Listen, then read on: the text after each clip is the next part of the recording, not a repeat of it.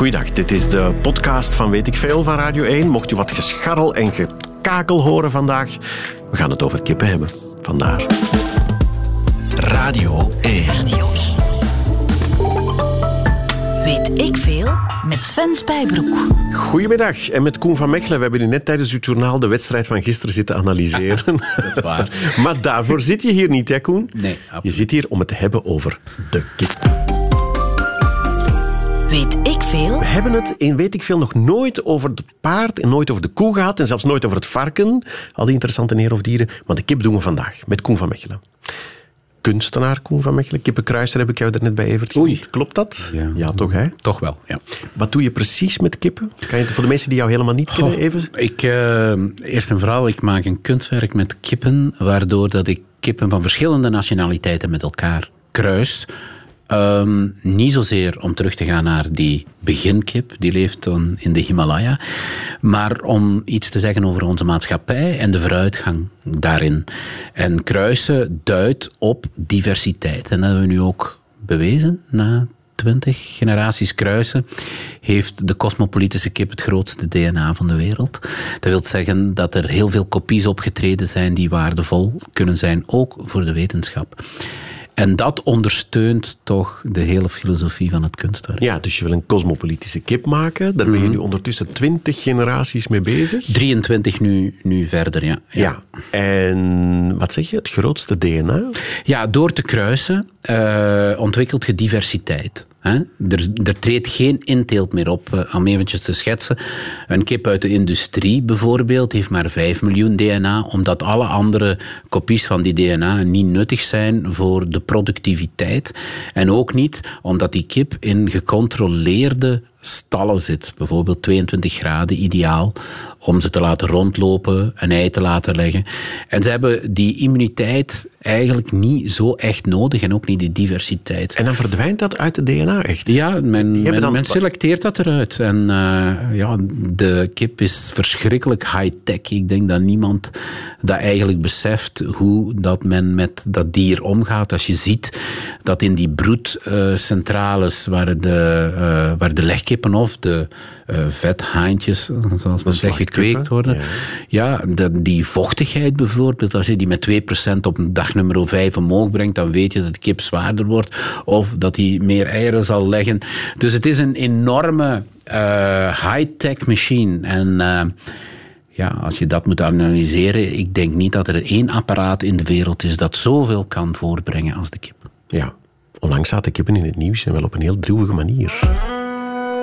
Op de luchthaven van Zaventem, daar zijn zondagavond ocharm 20.000 kuikentjes vergast. Vreselijk toch? Vreselijk, echt waar, hè? Maar die exporteerder wilde dus ook gewoon die kuikjes niet terugnemen. Voor hem is dat natuurlijk gewoon een, een product dat hij verstuurt. En die had zoiets, ik heb dat eh, uitgezonden en ik moet dat allemaal niet meer terug hebben. Maar dat is denk ik het hele probleem met, met dierenrechten. Dieren zijn gewoon een product geworden, want die, zijn, die, die reageren niet, die protesteren niet. Nee, daar moeten we misschien allemaal eens aan denken. Als we weer eens in de supermarkt voor 5 euro 3 kilo kip krijgen, dan weet je dat daar iets mis mee is. In mei van dit jaar was dat. Dat is precies wat je bedoelt, hè? Ja, dat is waar. Ja. Men heeft eh, van de kip inderdaad een, eh, een, een product gemaakt. En dat is eh, toch wat ik een beetje eh, met mijn project ook wil zeggen. Dat we moeten oppassen als we de diversiteit of de immuniteit en de fertiliteit uit dat dier halen, dat we toch een gevaarlijk product ook wel kunnen hebben. Ja, dus je wil een soort uber-resistente kip die overal kan gedijen maken? Ja, ik denk dat je dat iets verkeerd zegt, omdat dat woordje Uber, dat is... eh, Ah ja, dat dat, duidt, dat duidt weer op iets dat eh, een, een monocultuur in zich houdt. Ik denk dat het niet waar is. Ik zoek naar die diversiteit.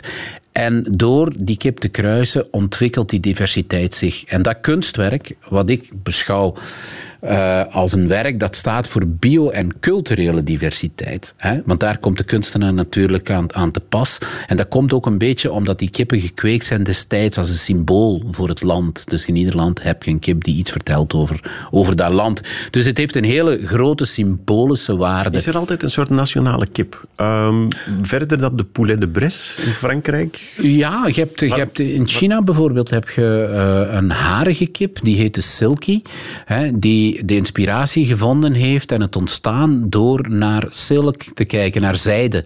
En die heet ook een zijdehoen.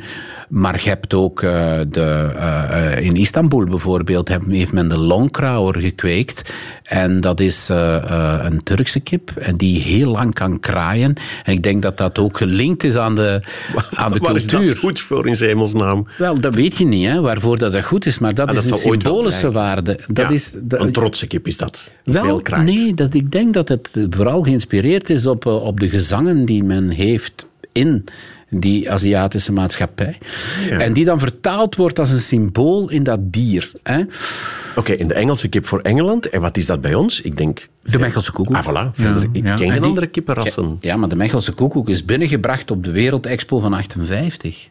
Gewoon maar Binnengebracht uit welk land? Ja, gekweekt. Gekweekt. door verschillende kruisingen te maken. En uiteindelijk die, die Mechelse koekoek te hebben. En als een symbool voor eh, onze natie. De Wereldexpo, 58. Dus dat zou de Expo 58 kip moeten heten eigenlijk. Eigenlijk wel, ja. Ja. Maar dat was de Mechelse koekoek. Zeg, daarnet was er sprake van eh 5 euro voor 3 kilo kip. Mhm. Ik neem aan dat een echte van Mechelen iets duurder is dan dat. Een, een echte van Mechelen is iets duurder, omdat ook een echte van Mechelen duurder is om ze te kweken. Ja. Maar je En- kan dus bij jou een, een kunstkip of een kunstwerk... Ja, zie je het nog als een kip of als een kunstwerk? Nee, voor mij is het, voor mij is het echt een kunstwerk, omdat, het, omdat het, het draagt eigenlijk een metafoor voor onze maatschappij. Als ik zeg dat we de monocultuur moeten vermijden, metaforisch gezien, als je dat eh, werk brengt in een museum, dan krijg je andere gedachten dan de kip op zich. Dan zeg je iets over onze maatschappij en waar we voor moeten oppassen. Dat is als we alleen maar beginnen te denken aan de productiviteit, vergeten we het leven Ja. op zich. Ah ja, dus een museum, als die van jou een werk koopt, dan koop je die een levende kip. En dan moet je ook graan en water hebben. En dan schijnt je ja. En dan moet je daar... Ja, momenteel heb ik zo'n expo lopen in Finland. Daar zitten, daar zitten momenteel een vijftigtal eh, levende kippen in het museum, waar we echt dat verhaal vertellen. En die omgekeerde manier van hoe men met de industriële kip omgaat, om die om te draaien naar iets sustainable en leefbaar. Ja, dus als ik van jouw werk wil bewonderen, dan moet ik... Of wat die kippen betreft, hè, want die doet Mhm. ook nog andere dingen. Dan moet ik naar Finland. Kan, kan het dichter bij huis ook? op dit moment moet je, moet je naar Finland, maar eh, soms zitten ze ook wel dichter bij, dichter bij huis. Momenteel moet ik even denken of ik in, in België een... eh, Een kunstwerk heb rondlopen. En, eh, Momenteel denk ik dat ze allemaal in het buitenland vertoeven. Weet ik veel? Koen van Mechelen. We hebben het over de kip vandaag. Daar weet je alles over. Dat mag ik toch hopen. Ken je deze man nog? De vogels, om het heel populair te zeggen, zijn buiksprekers. Gelijk een buikspreker spreekt, zo spreekt dus ook de vogel. Die hebben dus, de, de taal wordt van binnenin gevormd. Ja. Hoe komt het nu dat sommige vogels wel in aanmerking komen en andere helemaal niet om dat te doen? Omdat eh, sommige vogels, om te beginnen, eigenlijk niet veel taal hebben van, van huis uit. Fazanten enzovoorts hebben niet veel taal. Dus als je met fazanten wilt gaan samenleven, dan gaat je wel iemand hebben die met u meewandelt. En je kunt vogels hebben die met u meelopen, met u meewandelen, maar die gebruiken wat taal ook. Die kunnen ook een paar klanken nadoen, maar dat is al niet veel. Terwijl onze zangvogels, die hebben heel veel taal. Die kunnen ze ook veel meer leren. Fragmentje uit de loops van 1987. Heb je hem herkend, Koen van Mechelen? Ja, absoluut. Ja. Louis Gonnessen. Louis Gonnissen. Vooral in der tijd bij Jos Gijzen. Hè? De Ja. dieren- en biologenman. Maar ook voor jou belangrijk, hè? ja, voor mij belangrijk omdat dat mijn, eh, mijn Peter is. Hè. Het was geen familie. Het was ehm, mijn vader en Louis, mijn vader, Toon van Mechelen dus, en eh Louis Gonnessen zijn samen als de eerste twee leken in het college van Sint-Truiden beginnen les te geven. Mijn vader is een klassicus, een filosoof en mijn eh, Peter dus, Louis Gonnessen, een bioloog. En ze konden het heel goed met elkaar vinden. Ik ben de jongste in mijn familie en dus was iedereen al bezet als... eh, een onkel en tante die Peter moesten zijn. En eh, is Louis Gonnessen gekozen. Nee, dat is een grapje. Hij is echt wel gekozen omdat hij een goede vriend was. En ik ben ook met hem heel veel op stap gegaan. Eh, mijn vader was een, of is nog steeds een natuurliefhebber. En uh, Louis Gonnissen ook. En die nam mij dus mee naar uh, bijvoorbeeld, een heel groot dierenpark. Dat was voor mij een heel groot verzet om daar naartoe te gaan als hele jonge knaap. En daar heb ik dan ook geleerd dat de kip eigenlijk afkomstig is van het Himalaya. Dat daar de eerste kip geleefd heeft. Dus hij heeft mij wel geïntroduceerd in die, in die wereld van die kip, die mij dan heeft blijven fascineren. Want ik praat wel over toen ik vijf, zes jaar was. Hè? Dit is uh, zijn de begin. jouw kippenfascinatie is van die tijd. Wel, mijn kippenfascinatie is helemaal terug tot die tijd. Uh, dat ik vijf jaar was. Dat heeft verschillende stappen gekend. Hè. Ik bedoel, mijn, mijn vader had, uh, had volières met vogels in. Hè, bevriend met Louis Gonnissen. Die mij dan meenam naar een dierenpark. Maar bijvoorbeeld ook, en dat is wel heel, dat is historisch al. Uh, hij nam mij bijvoorbeeld ook mee naar de Zoo van Zwaarberg. En vandaag is mijn grote atelier gebouwd precies in de Zoo van Zwaarberg. En dat is wel echt uniek, want uh, toen de burgemeester Wim Dries mij praatte over we zouden u wel heel graag hebben in onze stad, had hij als eerste idee natuurlijk dat ik op Seamine ging zitten, dat ik daar een stukje grond. En op het einde van, die, um, van dat gesprek zei hij, ja, maar we hebben nog een andere site, want daar is al twintig jaar niets meer. ik zeg, welke? Ja, de Zo van Zwartberg, waar ik toen gewoon gezegd heb, dat is het. Zonder het nog te bekijken. Omdat, omdat die herinnering dat ik daar naartoe ging als kind en de ontdekking deed van de kip, hè, dan... Uh, ja. als je zo'n herinnering hebt, dan moet dat de plaats zijn waar je terug naartoe moet gaan. Absoluut. En waar je dan in een andere vorm iets neerzet. Ja, zeg maar, van Peters krijg je ook cadeaus, hè? Ja. Is het waar dat jij van Louis Gonnissen een broedmachine hebt cadeau gekregen als vijfjarige? Ja, dat is wel zo. Ja, dat is geen fabel. Wat een idee. dat is geen fabel, dus, omdat... Wacht, dus je pakt dat uit, hè? dat zit waarschijnlijk in, in mooi inpakpapier. Ja, maar... En, was je blij of was je teleurgesteld? Nee, ik, ik Wist je wat het was? Ik was heel blij, omdat ik zeg, uh, dingen gaan over, uh, over fases. Hè. Dus mijn vader die die volière had met die vogels, de fascinatie voor de natuur. Ondertussen, mijn vader is ook kunstenaar. Hè. Die maakte beelden in zijn atelier. Dus ik, ik, ik zwierf ook rond in het atelier. En ondertussen gebeurde buiten iets heel apart. De plaatselijke bakker had twee kuikens mee omdat hij wist dat ik van de natuur en van vogels hield. En die had twee kuikens mee. Die twee kuikens heb ik opgegroeid, zijn opgegroeid. Dat is een haan en een hen geworden. Hè? En dan oh, komt oh. Mijn, Peter, mijn Peter komt dan af met een broedkast. Hè? Om te zeggen, ja, zo kun je ook beginnen te broeden. Dus heel vroeg zijn al die zaden wel geplant voor hetgeen dat ik vandaag doe.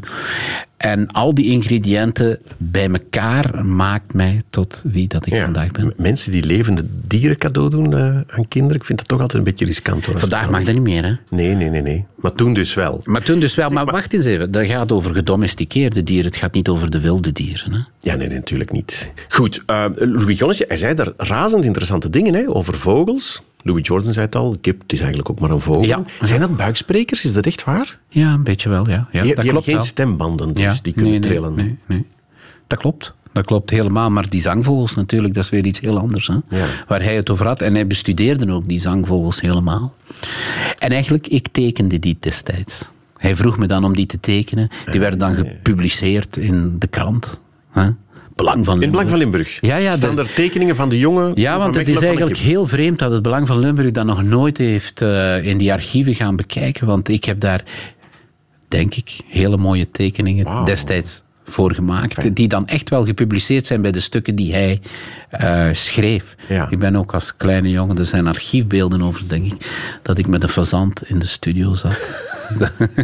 bij Jos. Uh, Koen, spreek jij kips? Nee. Nee. Versta je het? Wel, ik bestudeer, ik bestudeer want je eh, leeft de kips, maar je kippen, kunt geen kips natuurlijk spreken. Dat is, eh, Nee? Spreken de kippenkips? Ja, dus, eh, ik denk dat de kippen onder elkaar natuurlijk wel spreken, want er is een soort van, van pikorde onder de hennen. Dus ze moeten toch een afspraak kunnen maken onder elkaar. Ja, maar die, omdat, die pikorde, dat is iets heel speciaals. Hè? Dat is gewoon het recht van de sterkste. Hè? En, en dat pikken moet je letterlijk Ja, het recht van de stem, maar dat gaat ook wel over hun geluid. Hè? In de, dat ied- wel. ja, ieder dier heeft een apart geluid, zoals wij. Trouwens, wij zijn ook dieren, hè? om het eventjes te Spreek voor jezelf. Ja, wat? Wacht, la- la- je, je mag vertalen. Let even op. Hè?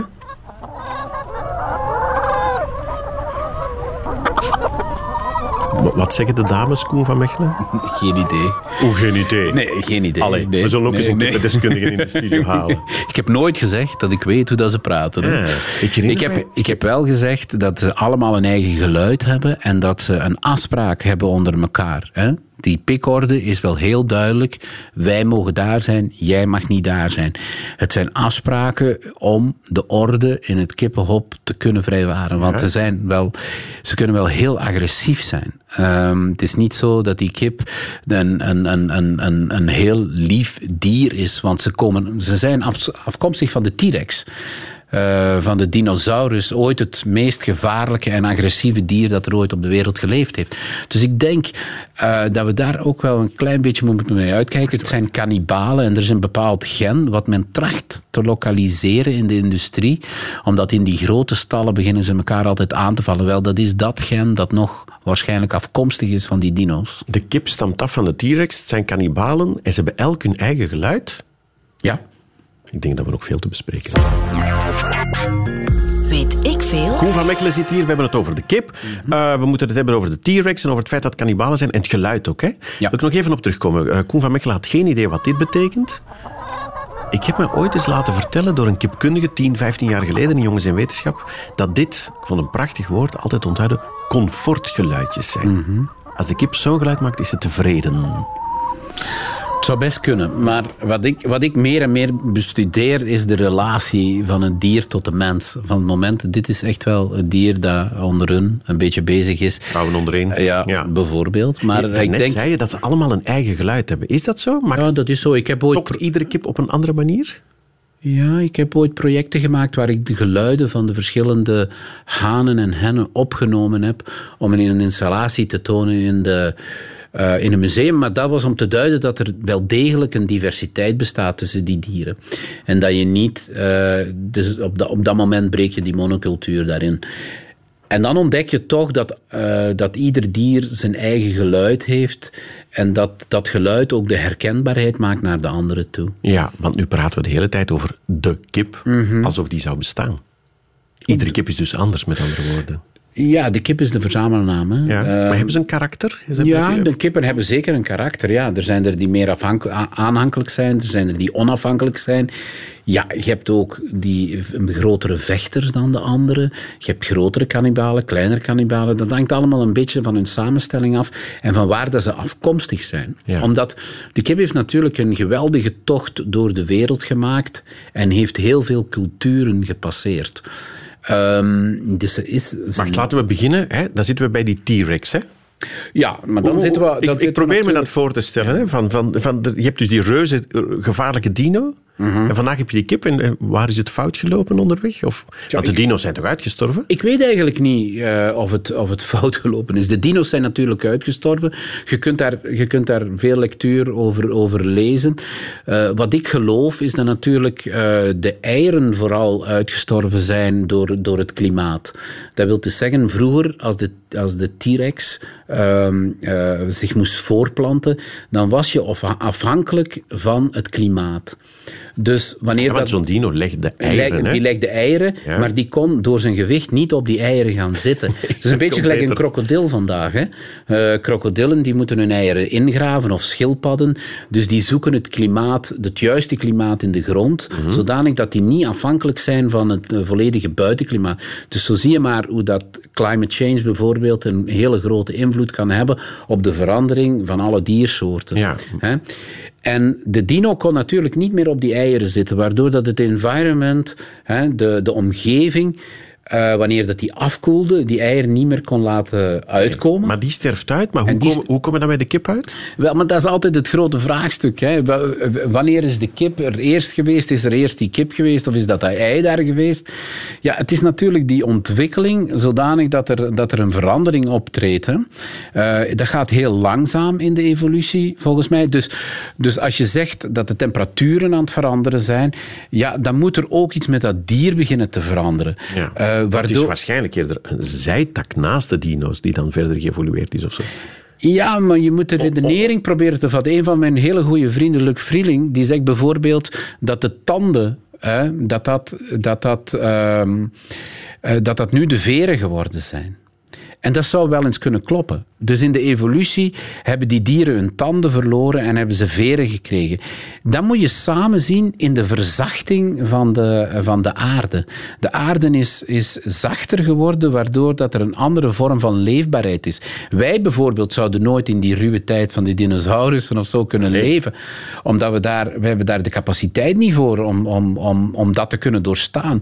Dus als je nu zegt dat die tanden uiteindelijk veren zijn geworden, dat die dieren uiteindelijk in de evolutie lichter geworden zijn, ja, dan kan dat wel kloppen, want die veren uiteindelijk hebben, zich, um, uh, hebben ervoor gezorgd dat die, dat die kip zijn eigen environment kan maken, zijn eigen broednest kan maken door lichter te zijn, op de eieren te kunnen zetten en de veren als een soort van, van laken over Dekentje, de, een over, soort een dekentje over, over, die, over Ja. die eieren kan doen, zodanig dat je niet meer afhankelijk bent van die hele grote Ja. eh, eh, temperatuurschommelingen die er, die er toen aan de gang waren. Zeg maar, die T-rexen, dat, dat waren vleeseters, hè, denk ik? Ja, dat waren, dat, waren, dat waren hele ruwe, eh, harde jagers waar, dat iedereen, waar ieder ander dier eigenlijk schrik van had. Zij, waren, zij waren de top van de predators. Ik dacht dat een kip vandaag, dat scharrelt rond, dat eet... Ja, wormen ook wel, hè. Dus in die zin eet dat ook wel vlees, maar ook gewoon graan en, en, en Mhm. Ja. gras en andere Ja. dingen en zo. En, ka en kannibalen, zei? Bedoel je dat ze elkaar opeten? Of Ja, ja, ja. Ze, vallen, ze vallen elkaar aan wanneer je ze in dichtbevolkte stallen zet. Maar ook soms... eh, het- het gaat vooral over wanneer je ze de plaats afneemt. En... ehm Cannibalen, ja, volgens mij komt dat toch nog altijd van die T-Rex. Want de huidige kip, zoals die voorkomt in het wild, en dat is het rode kamhoen dat aan de voet van de Himalaya leeft, in een vrij klein leefgebied. Ik heb verschillende expedities daar naartoe gedaan om te kijken hoe dat, dat dier daar leeft. Maar dat is echt wel een, een, een, eh, een graaneter en een, en een eh, kruideneter. Dus die eten absoluut geen, niet, niets vlees meer. En dat is een soort van oerkip die Dat is de- aan de voet van de Himalaya? Ja, dat is, een, dat is de, de primal chicken, zoals ze dat zeggen. Omdat er zijn heel veel discussies over. Er zijn een deel subsoorten, uiteraard. Je hebt, eh, ehm, de, de meest bekende is de Murgy. Murgy, eh, de Red Jungle Fall Murgy, omdat meneer Murgy... ehm, die kip ontdekt heeft. Men, men gaat ervan uit dat zij of hij daar de, de grote ehm, eh, bron is voor onze gedomesticeerde kip. Maar je, je hebt ook de Grey Jungle Fowl, die dan in, eh, in Indië leeft. Die eh, niet meer aan die voet van de Himalaya zit. Je hebt ook nog het groene eh, kamhoen, dat dan weer Indonesië zit. Nu ga je echt alle, alle kippen ter wereld beginnen opnoemen. Of, Ja, nee, maar dat zijn de, dat zijn de oersoorten. Dat zijn de oersoorten. Zijn Daar trek oers- jij dus naar, op, op, op expeditie naartoe? Ja, dat doe ik. Ik doe Heb expedities. je er dan één in je rugzak mee terug naar huis Nee, want dat mag niet. Men is, men zo. is ondertussen, ondertussen is men er ook eh, een beetje van, van bewust geworden in die landen dat als de bron van de kip daar ligt, dat dat ook wel waardevol is en dat die genetica, wie dat iedereen vandaag toch wil bestuderen om te weten waar dat die kip echt vandaan komt, ja, die moet je dan ook wel beschermen. En maar goed ook, want de kip op zich in het wild is eigenlijk ook under pressure, zoals we dat zeggen, omdat het eh, relatief weinig dieren zijn, weinig eh, zuivere wilde kippen nog zijn. En dat komt een beetje, en dat heb ik ook vastgesteld, omdat dat dier leeft eh, tussen de bewoonde wereld en de jungle. Dus er zijn eh, natuurlijke mutaties die gebeuren tussen een wilde kip en een tamme kip, waardoor dat die wilde kip eigenlijk ook tamme kippen aan het worden zijn. Dus de grens tussen domesticatie, hè, hè, de, de kip zoals wij kennen, en de wilde mens. kip, Ja. ja, vervaagt. Ja, daar moet jij voor zijn, hè, voor kruisingen van kippen. Absoluut. Koen van Mechelen, in welke toestand bevindt de kip zich nu? Ik vrees dat ze een ei wilt leggen. Aha, eieren. Jij met je eerste broedmachine toen je Ja. vijf jaar oud was. Wat moeten wij weten over het ei van de kip? Goh, er is veel te vertellen over het ei van de kip. Hè. Eh, eerst en vooral ehm, is het een, een, een oneindige lijn. Hè. Is een, eh, als, je, als je het ei bekijkt, je kunt er nooit vat op krijgen. Het heeft geen begin en einde. Het heeft geen begin en geen einde. Daarin En- lijkt het op de voetbal. Ja, ik, voor mij betekent dat een wereld, maar dat is, dat is natuurlijk een totaal ander verhaal. Maar wat ik fascinerend vond door het eh, bestuderen van het ei, Dat was wanneer dat je het in, het broed, in de broedkast legde. Dan was ik vijf, zes jaar oud. Tot grote ergernis van mijn ouders bleef ik natuurlijk wakker wanneer dat na 21 dagen zo een ei begon uit te komen. En dan gebeurt er iets ontzettend fascinerend met het ei. Namelijk is er twee derde van het ei wordt kuiken en een derde is luchtkamer. En als je dat, wij hielden dat natuurlijk uh, voor, voor een lamp, om dat door te lichten en om dat te zien. Want dat kuiken dat moet eigenlijk zijn luchtkamer doorbreken om de lucht te kunnen happen, om de schaal te breken. Ah ja, dus dat zit er helemaal ingekapseld? Dat zit helemaal ingekapseld. In een vlies en dan aan de, de, Ja. de, is het de punt of de bolle kant? Nee, het is de bolle kant. Hè? De onderhand, de stompe kant. Ja, daar de stompenkant, luchtkamer, daar hè? zit die luchtkamer. Dan moet je Daar- doorprikken als je een ei wil en koken. dan, ook, ja, en dan, dan moet dat kuiken moet dat moet door- daar zelf door dat... moet daar doorgaan. En die heeft daarvoor een eitand bijvoorbeeld. Hè? Bovenop op de bek ontwikkelt zich zo Een neushoornachtig... ja, een soort Iets, u- ja. unicorn. Ja, mini-mini. En, eh, en die moet het dan doorbreken en dan moet die schaal breken. En dat was het meest spannende moment, want als die dat niet deed, dat kuiken, dan sterft dat van de lucht. Zie je, die stikt in zijn eigen lucht. Dus dat leerde mij toch wel later te bedenken dat je de juiste hoek moet kiezen om geboren te worden. En ik denk dat dat wel heel fascinerend is als je dan ook bijvoorbeeld denkt dat dat in ons, eh, in ons leven ook zo is. Ik leg, ik leg toen altijd de verbinding met de Space Shuttle die bijvoorbeeld naar de maan ging. Als je door de atmosfeer moest gaan, was het de juiste hoek die je moet, die je moet vinden. Nu nog altijd trouwens. Hè? En als je dat niet doet, dan brand je op. Dus die momentums moeten perfect gekozen worden om... ehm, ja, om geboren te kunnen worden. En het is die spanning, als ik daar naar aan het kijken was, dan vond ik dat toch ongelooflijk dat, dat, eh, dat de natuur dit soort dingen construeert. Zit je dan als vijfjarige over leven en dood na te denken door naar een ei te zitten kijken? Wel, op dat moment denk ik na, was ik aan de fascinatie aan het denken. Maar wel toen ik acht jaar was, was ik daar wel op verder over aan het nadenken. En dat heeft me dan ook weer gemaakt tot wat ik nu ben. Want toen begon ik te denken dat je uit iedere structuur moet om een nieuwe structuur, eh, om een nieuwe structuur in te stappen en altijd maar, Ja. maar groeien. Heb je als kind ooit een kip geslacht? Ehm, ja, ik heb als kind eh, een kip geslacht, ja. Absoluut. En ja. hoe voelde dat? Niet fijn. Maar ehm, eh, ik, ik ben... Echt niet fijn, denk je dat nu? Ja, ik heb het, ja, ook, ik heb het als omdat- kind ook ooit gedaan. En Ja. dat, dat hoorde er gewoon bij. Je, je, Ja, ja. kweekt de kippen en als je, Je bent een kind- dan, dan Je bent een kind af. van de tijd, maar op dat, op dat momentum, weet je, het is niet fijn om dat momentum te doorbreken, om dat te doen.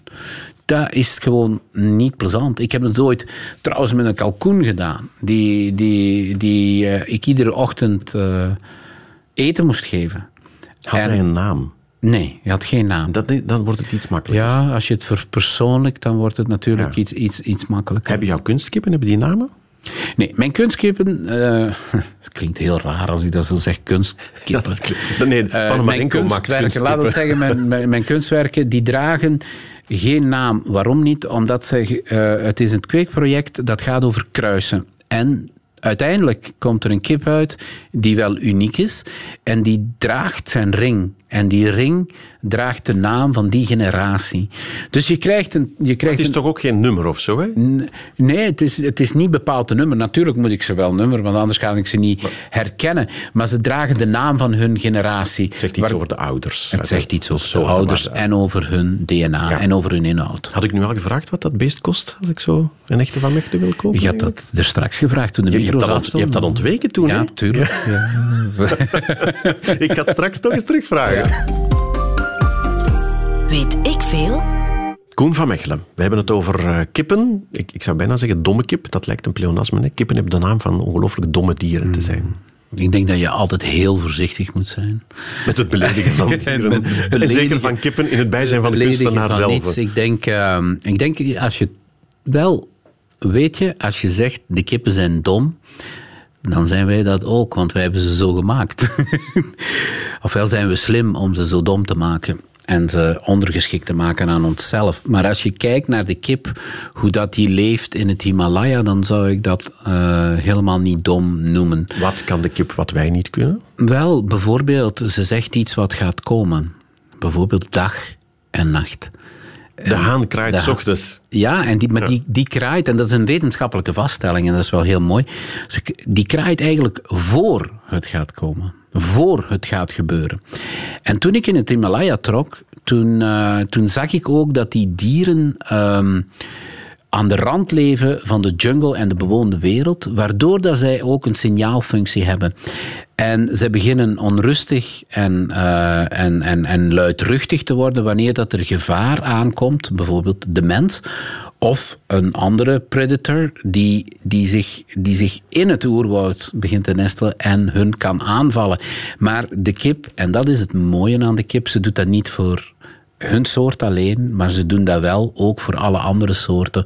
Omdat alle andere soorten, zoals de pauwen en andere vogels, ook reageren op datzelfde signaal die de haan of de kip geeft. Dus als zo'n haan s ochtends vroeg kraait, dan is het niet omdat het licht wordt of omdat hij dat leuk vindt, maar omdat er mensen beginnen wakker te worden? Ja, jawel. Die, ze- die, hij, voelt, de- hij of zij voelt een verandering aan. En die verandering, eh, dat, dat treedt op als een waarschuwing.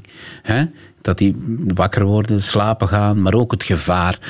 En daarom vind ik ook die metafoor van die kip een heel mooie metafoor, omdat die ons iets kan leren over wat dat de toekomst brengt. En als ik dit verhaal vertel, bijvoorbeeld, dan moeten we ons ook bewust zijn dat bijvoorbeeld de kip de eerste GPS was. Want wij hebben allemaal het idee dat het kraaiennest bijvoorbeeld, dat daar kraaien in zaten. Hè, als de schepen uitvaarden. Ja. Maar destijds toen de Wacht, dat is helemaal zo bovenaan in de mast. dat is helemaal van bovenaan in de mast. Zat, dat hadden mensen in, er zat een matroos in die zo moest kijken. Nee, niet? vroeger, nee, dat noemde men het kraaiennest. En daar zit een matroos in nu, of nu niet meer nu trouwens. niet Nu niet meer. Nu, Nu hebben we andere- GPS. Nu hebben we echt een GPS. Maar ik bedoel, er is een tijd geweest dat er een matroos in zat. Maar de eerste GPS'en waren de hanen. En de Chinezen zijn daarmee begonnen. Hè, met de Indonesiërs die eh, schepen hadden die eh, op op, op ontdekkingstocht waren naar de Afrikaanse kusten, waarin dat ze de groene junglefowl, dat is het, ook een van die oerkippen, waar waarschijnlijk die langkrauwers vandaan komen, omdat die zeer lang konden kraaien, hadden ze die boven in het kraaiennest zitten. En wanneer dat er mist was, konden ze op die manier elkaar terugvinden, die schepen. En dat bewijst er eigenlijk toe Dat dat... waren een soort scheeptoeters. Om- Ja, dat is een van- beetje een We scheepstoet- horen lawaai, dus er zal wel een ander Ja, schip in de buurt zijn. Ja, maar niet... Ja, voilà. maar dan heb je nog geen GPS, hè? Nee, Ik zou verwachten dat die zo'n paar kippen in een kooitje bovenaan in dat kraaiennest, Ja. konden die de weg wijzen op een of andere manier? Nee, of? die konden elkaar herkennen. En die konden door elkaar te herkennen, konden ze elkaar ook terugvinden, waardoor dat ze in een soort konvooi konden blijven en zo op ontdekkingstocht gingen. Dat heeft er trouwens toe geleid dat waarschijnlijk de Chinezen veel eerder aan de Afrikaanse kusten waren dan dat men ooit gedacht heeft. Men heeft gedacht, ja, men kan dat niet bereiken, omdat die boten eh, eh, rondzwerven, maar de kippen zouden er eventueel voor gezorgd hebben dat ze inderdaad wel die kusten konden bereiken. Ja. Dankzij de kip. Ja, wat, wat zou, stel dat de kip er niet was. Ja, dan, Wat dan? Ik, ja, ik denk dat we dan een gigantisch probleem hebben. En ik denk dat we daar ons ook veel te weinig eh, beseffen. Ehm, dat is niet zo'n leuk nummer, maar er zijn 65 miljard kippen iedere dag in de wereld. En er zijn 60 miljoen ton eieren ieder jaar. Maar waarom? Dat is omdat 80% van developing countries leeft van kippenvlees. Hè? Wanneer in de westerse landen gaat dat al een klein beetje naar omlaag omwille van de variatie die, die wij hebben. Maar toch, dat gaat nog altijd over 40% Maar er is ook iets anders, dat is onze medische wereld. Hè? Vroeger eh, ehm, had men het slangengif als het eerste eh, ontwikkeling van de medicatie. Hè? Maar vandaag, als je ziet hoeveel eieren dat er in de farmaceutische industrie gebruikt worden voor het ontwikkelen van vaccins, hè? of culturen om bacteriën te herkennen, en dan nog eens een substantie eh, van verbinding, want de emulgator die in de eidooier zit, is in staat om een verbinding te maken van producten die normaal niet te verbinden zijn. Denk maar aan mayonaise maken bijvoorbeeld. Hè? Ja. Eh, daar heb Daar je, heb je een eieren ei- voor nodig. Daar heb je een eierdooier voor nodig. Er zijn natuurlijk al vervangproducten die dat anders zien. Maar neem het ei en de kip uit onze maatschappij en eh, ik denk dat je dan al een heel groot probleem hebt. Ik denk niet dat het nog dezelfde maatschappij is, eerlijk gezegd. Ja, ik zei het helemaal in het begin van het programma. De kip is er altijd geweest, hè, tijd van Mhm. de dino's. Ik denk ook dat ze er altijd zal zijn. Gaat, gaat de kip de mens overleven, denk ik? Ja, daarvoor moet ik iets zeggen wat Plato zei. Plato zei, de kip was eerst. Is dat, En dan is pas de mens. Het vraagstuk van de kip en het ei? Is dat, Nee, ik denk dat het vraagstuk van de kip en het ei is voor mij een veel groter vraagstuk. Het gaat niet over de kip of het ei, het gaat over de kip en het ei volgens mij. Het gaat over energie en massa. Hè, Het ei is de massa. En de kip op zich is de energie. Dus het ontstaan van de wereld, als je daarnaar vraagt, dan denk ik dat de energie zich ingekapseld heeft in, een, in de aarde, zodanig dat je het ontstaan van het heelal had. Dat is een dualiteitsvraag. Ja, voilà. Dat- Dus we beginnen met een kip en we eindigen met het ontstaan van de aarde en het heelal. Straks ga je nou de zin van het leven ook nog verklaren. Dat is uw fout, niet Ja, het mijne. Jij hebt het gevraagd. Ik zwijg. Weet ik veel?